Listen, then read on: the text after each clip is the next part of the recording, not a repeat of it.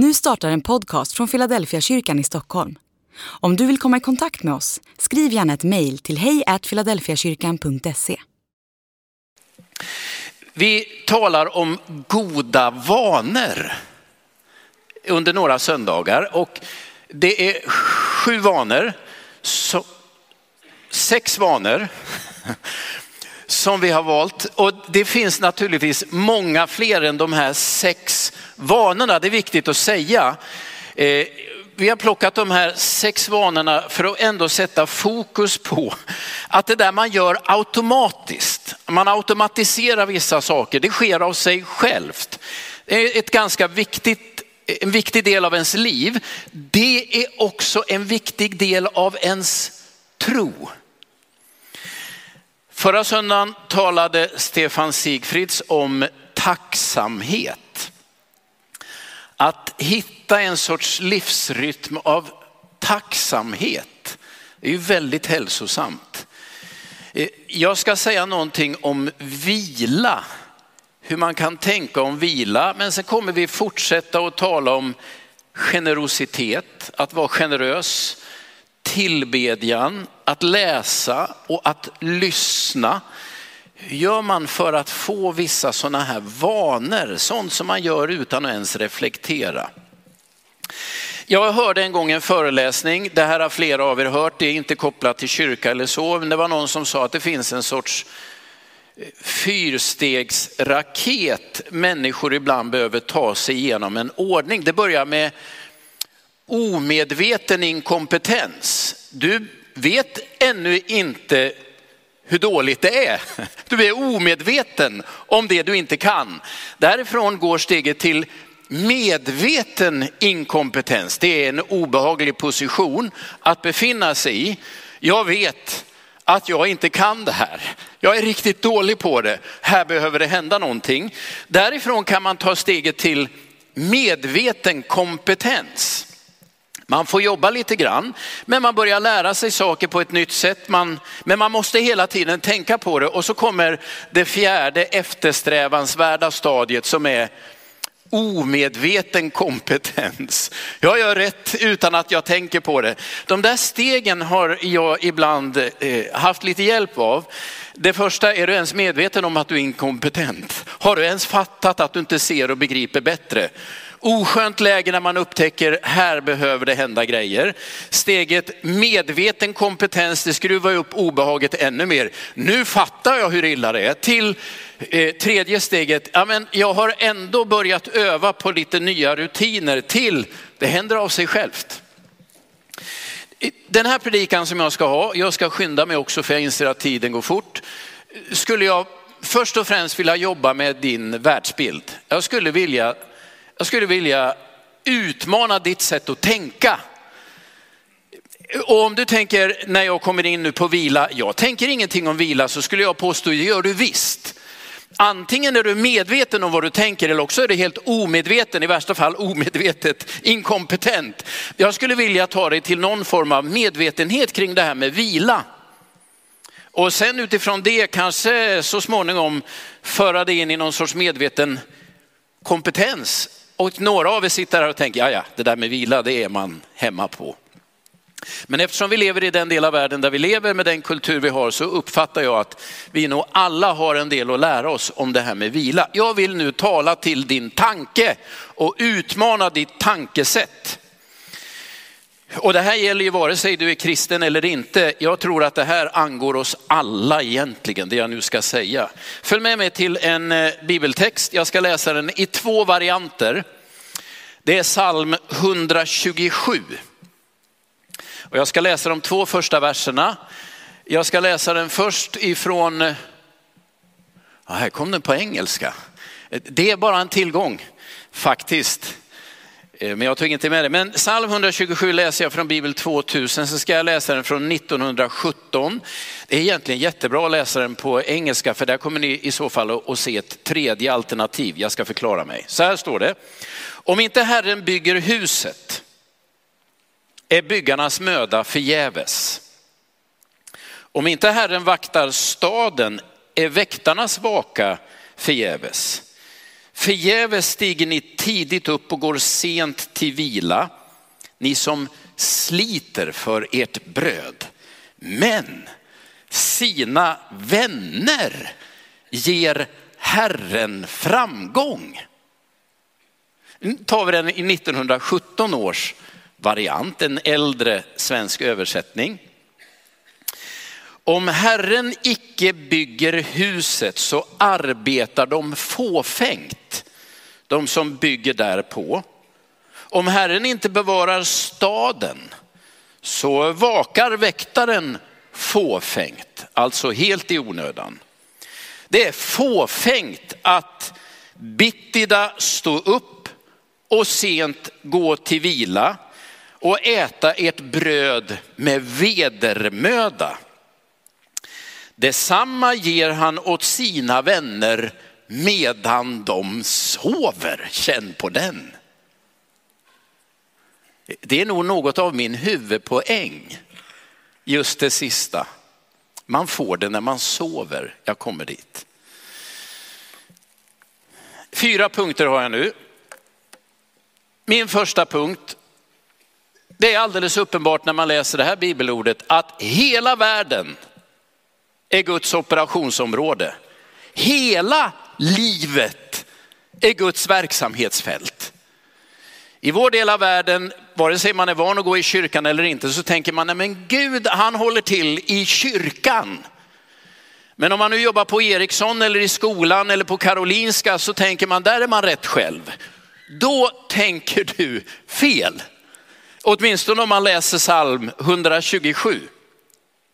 Det står ingenting om att väktaren är troende eller att byggnadsarbetaren är troende.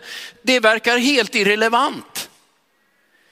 Vad är det den här salmen säger som är så uppmuntrande? Jo, överallt där vi människor finns och verkar är Gud aktiv. Oavsett om du tror det eller inte. Med lite mer teologiskt språkbruk så kallas det där för Guds försyn. Men om Skanska bygger en bro och Herren inte är med så kommer det att rasa. Om läkarna som ska in och operera imorgon bitti inte har Herren med sig så kommer de skära fel. Och om alla lärare imorgon går in i klassrummet och tänker nu gäller det en vecka till med de här snorungarna. Om Herren inte är med dig, då kommer det inte gå. Det är det egentligen den här bibeltexten säger. Och den säger det som om det är en sanning om allt och alla. Det är väl ändå väldigt uppmuntrande. Nu är jag ju, nu är jag ju pastor och troende och har varit det sedan tonåren, mitten på tonåren.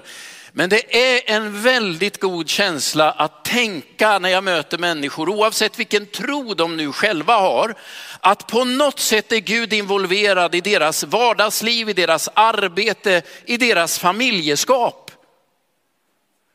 Jag har, jag har vid några tillfällen legat på sjukhus och eh, jag tror att det var någonstans i 30-årsåldern, jag hade hjärnhinneinflammation och det tog lite lång tid innan de upptäckte det.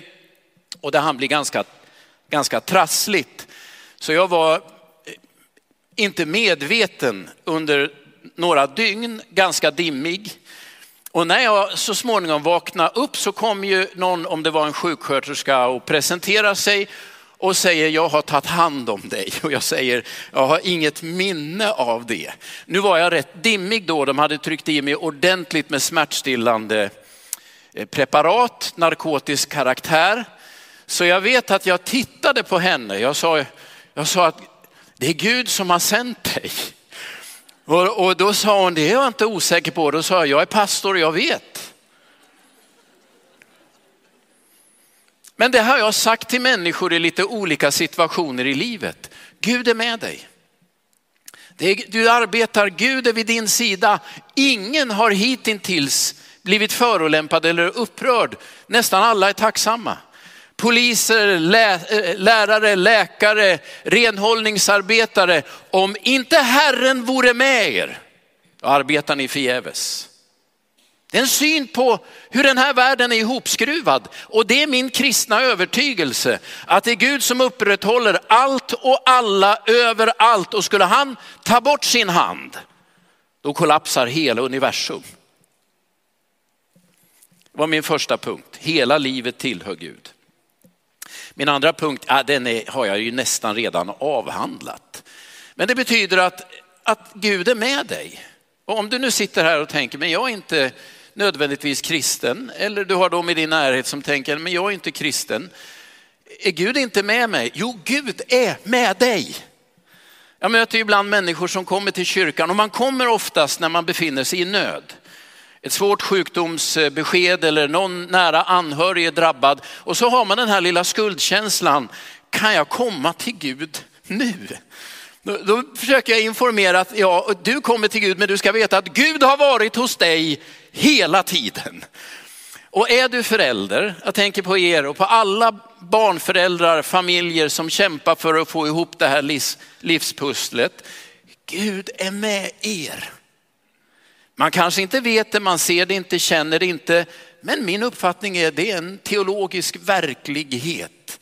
Gud upprätthåller allt och alla. Så det kan du ta med dig och det kan du säga till andra människor. Det betyder ju inte att allt vi gör därmed är vad Gud önskar. Det är en annan sak, men det ger jag mig inte in i nu. Men Gud är med dig. Det är därför de flesta människor som kommer till tro en bit upp i livet upptäcker att det här känner jag igen. Jag, har liksom kommit hem.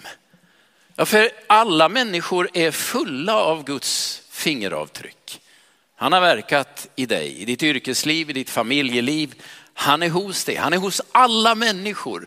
Visst är det en god tanke? Så när du kliver in och ska leda ett säljmöte om det är så imorgon eller går in i skolklassen eller sjukvårdscentralen eller vad det nu är så kan du bara veta, här kommer jag, Fader, Son och helig ande. Jag går inte ensam genom något och det gäller alla människor. Nu kommer två punkter som jag då tänker att man bör ta med sig ur det här. Det den här salmen vill göra är att skapa medvetenhet om detta faktum. Du behöver inse att det är så här verkligheten förhåller sig. Du behöver komma till den upptäckten. Därför att annars är ju risken om man är husbyggare att målet är husbygget. Och risken om man är väktare att man vakar. Eller risken om man är familj att familjen är slutmålet. Och då tappar man orienteringen i livet till slut. För vad händer då när man går i pension? Och vad händer då när barnen som nu är helt beroende av er föräldrar så småningom flyttar hemifrån och dessutom upplyser er om att ert sätt att tänka och handla har ett bäst före-datum som redan sedan länge har löpt ut. Jag möter ju en del som säger att ja, livets mening är familj. Det är inte alldeles enkelt att som barn vara livets mening för sina föräldrar. Alltså om man inte ser den större bilden bakom mitt arbete, bakom hela den värld jag lever i, bakom min familj finns en större hand, en större tanke, en större kraft. Om jag inte ser det och förstår att det är där jag bör förankra mitt liv, det är där jag liksom ska hänga mig fast och klänga mig in när det behövs. Då är ju risken att det blir själva jobbet. Det jag gör som blir min yttersta identitet. Och det är som att världen blir helt upp och ner då. Jag älskar familj, tycker att det är viktigt, men det finns också en risk att själva familjen kan bli som en avgud. Det är där jag finner livets mening. Det är meningsfullt och viktigt. Men du behöver se den större bilden. Det finns en större hand över ditt liv. Det finns en större tanke över dig. Du har ett gudomligt uppdrag i den här världen. Och det blandar sig in i när du bygger hus och när du vaktar staden eller när du är förälder. Men om du tror att det är just den lilla uppgiften som är din djupaste identitet, då kommer du komma alldeles fel. Så då kommer den fjärde punkten nu. Vi får det när vi sover. Det var ju ungefär så det stod i 1917 års översättning. 1900, år 2000 står det att Herren ger sina vänner framgång. Va, va, Vad är det han vill säga? En tolkning skulle ju vara, ja, nu är jag kristen och Guds barn, så nu säger jag upp mig från jobbet, lägger mig där hemma och tänker att medan jag sover kommer kylskåpet fylla sig, tvättmaskinen tvätta upp alla mina kläder och bilen är fulltankad. Det kommer ju inte funka, det fattar ni också. Det är nog att tolka detta fel. Det är någonting annat som ligger i detta och det var där jag såg den här engelska översättningen. För i den engelska översättningen så står det att de som är vänner till Herren, de kan sova. En tredje tolkning. Det är någonting med vilan som kommer ur insikten att ytterst vilar allt i Guds hand. Om jag förstår det, mitt yrkesliv, mitt familjeliv, jag har ett ansvar, jag har ett uppdrag, jag ska genomföra det på bästa sätt. Jag ska inte slarva.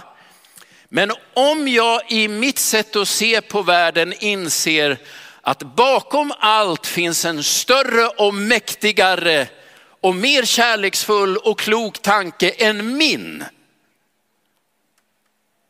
Då kan jag vila. Då kan jag till och med sova riktigt gott.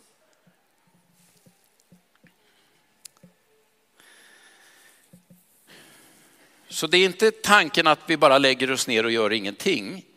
Men det är insikten om Guds godhet, nåd och omtanke och inblandning i våra vardagliga affärer. Det är insikten om den som gör att vi kan sova. Då kan jag släppa, då kan jag vila.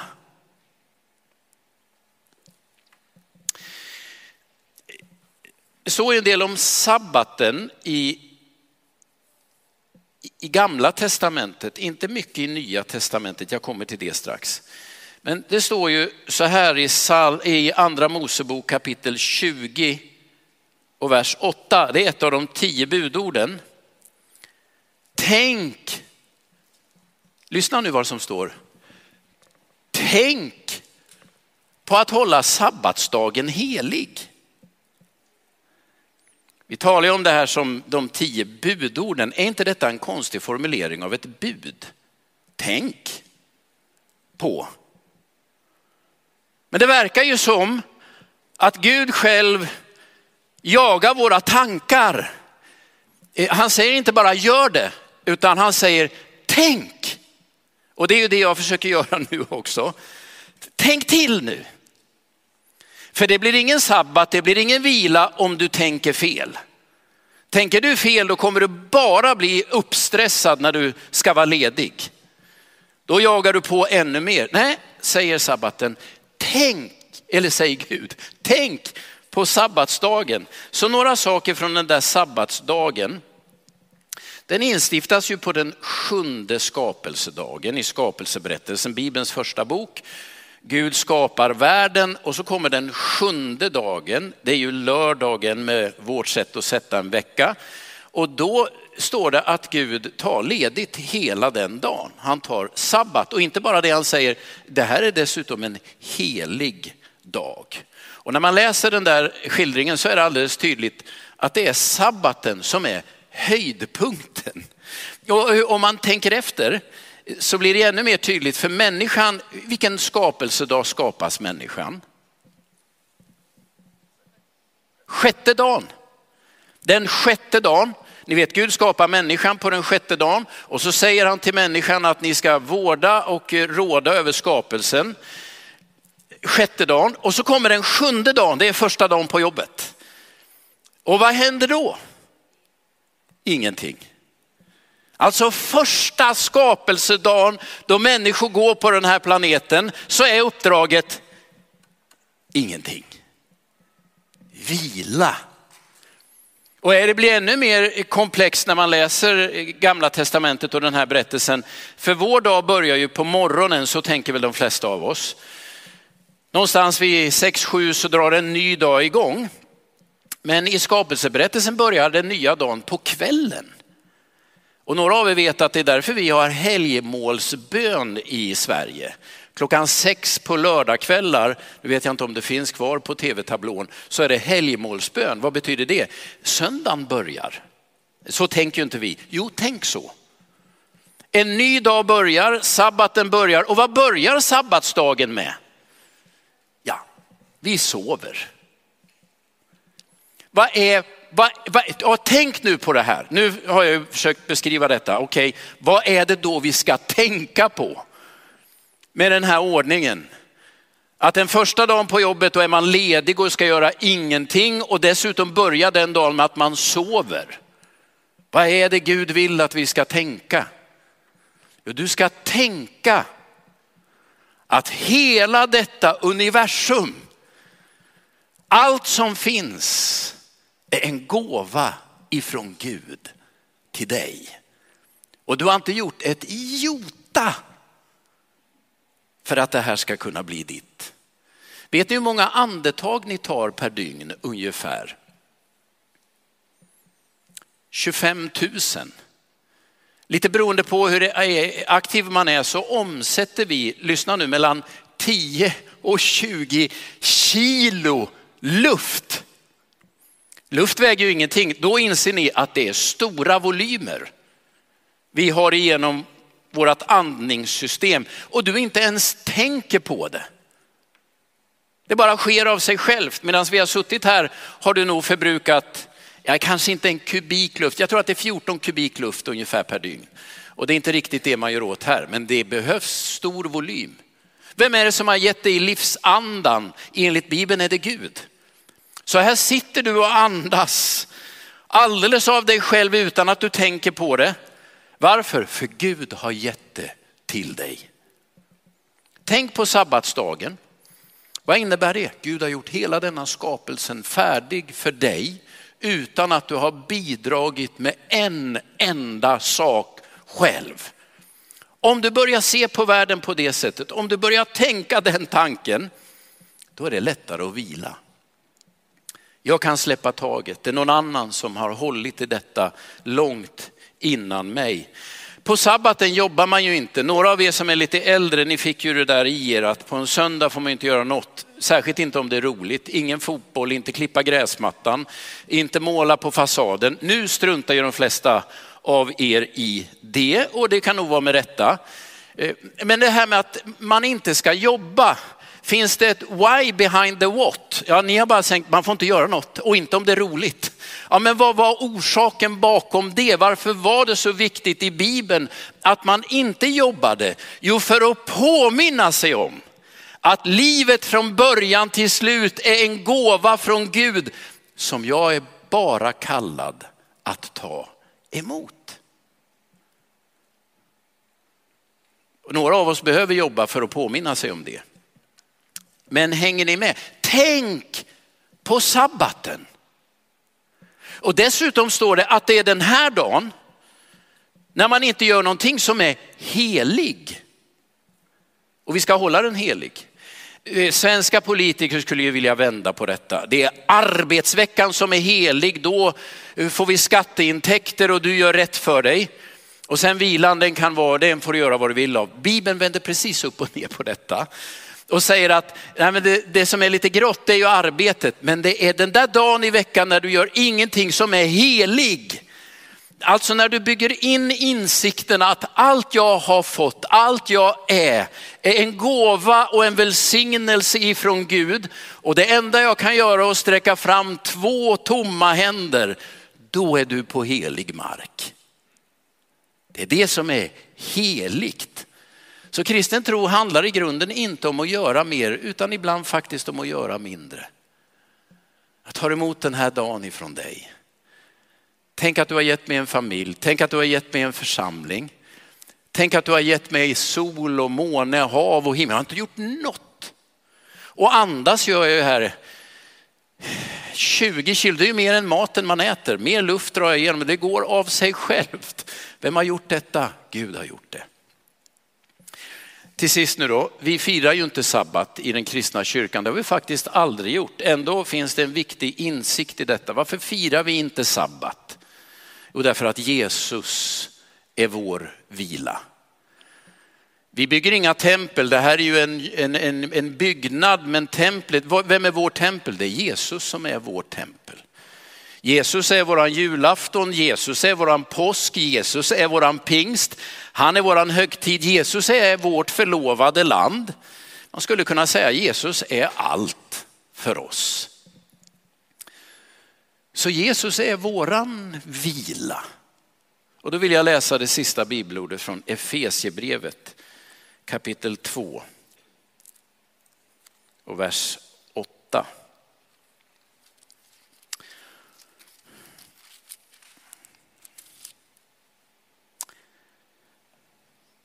Av nåd är ni frälsta genom tron, inte av er själva. Guds gåva är det. Jag vill påminna dig om att allt Gud ger och allt Gud gör är nåd. Det finns en föregripande nåd i, i skapelsen. Gud är med alla människor överallt, på alla arbetsplatser, men många vet inte om det.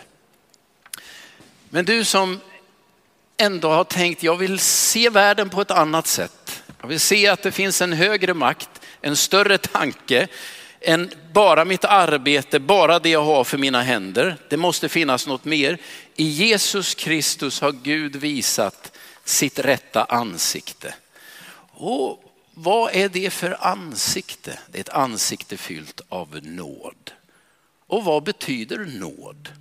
Jo, att det är fritt och för intet. Du behöver inte arbeta för det, du kan inte förtjäna det. Tron är ingenting du måste leva upp till, som du hela tiden måste kvalificera dig till. Nej, det är nåd. Det är inte av dig själv.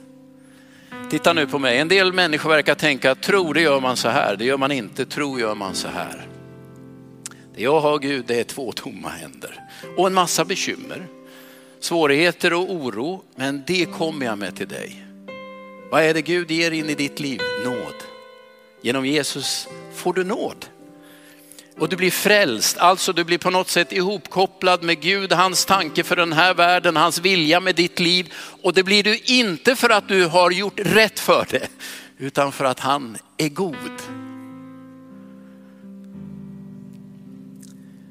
Så vila handlar också om på något sätt att gestalta det jag tror. Jag vilar Därför att Gud har arbetat i mitt ställe. Han har skapat hela universum. Han har gjort allt som behövs för min frälsning. Det är hans hand mitt liv från början till slut vilar. Då kan jag sova. Då kan jag slappna av. Hur tänker du? Ja, men vi är ju präglade i den här aktivistiska kulturen där man alltid ska arbeta och göra rätt för sig. Många poänger i det. Och kom ihåg, jag säger inte att man nu ska släppa allt, men du ska veta att ytterst sett vilar allt i Guds hand. Och när det gäller din frälsning och din tro handlar det också om, från början till slut, att det är en gåva. Det är bara nåd och inget, inget annat.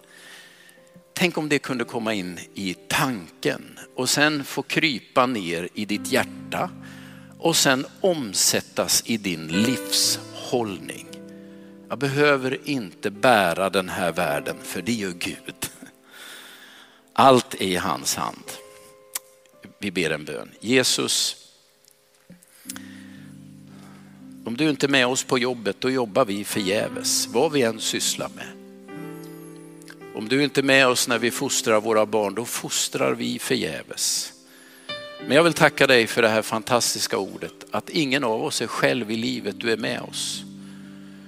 Men nu ber jag dig att du skulle förhöja vår insikt, väck vår tanke, hjälp oss att se och hjälp oss att fatta att sabbaten är ett budskap om att du har gjort allt innan vi gjorde något. Och på samma sätt har Jesus gjort allt innan vi har gjort något. Nu ber jag dig att här, den här platsen skulle få bli nådens rum. För vi behöver nåd, Herre. och vi behöver få, få rota oss i nåden. I Jesu namn. Amen.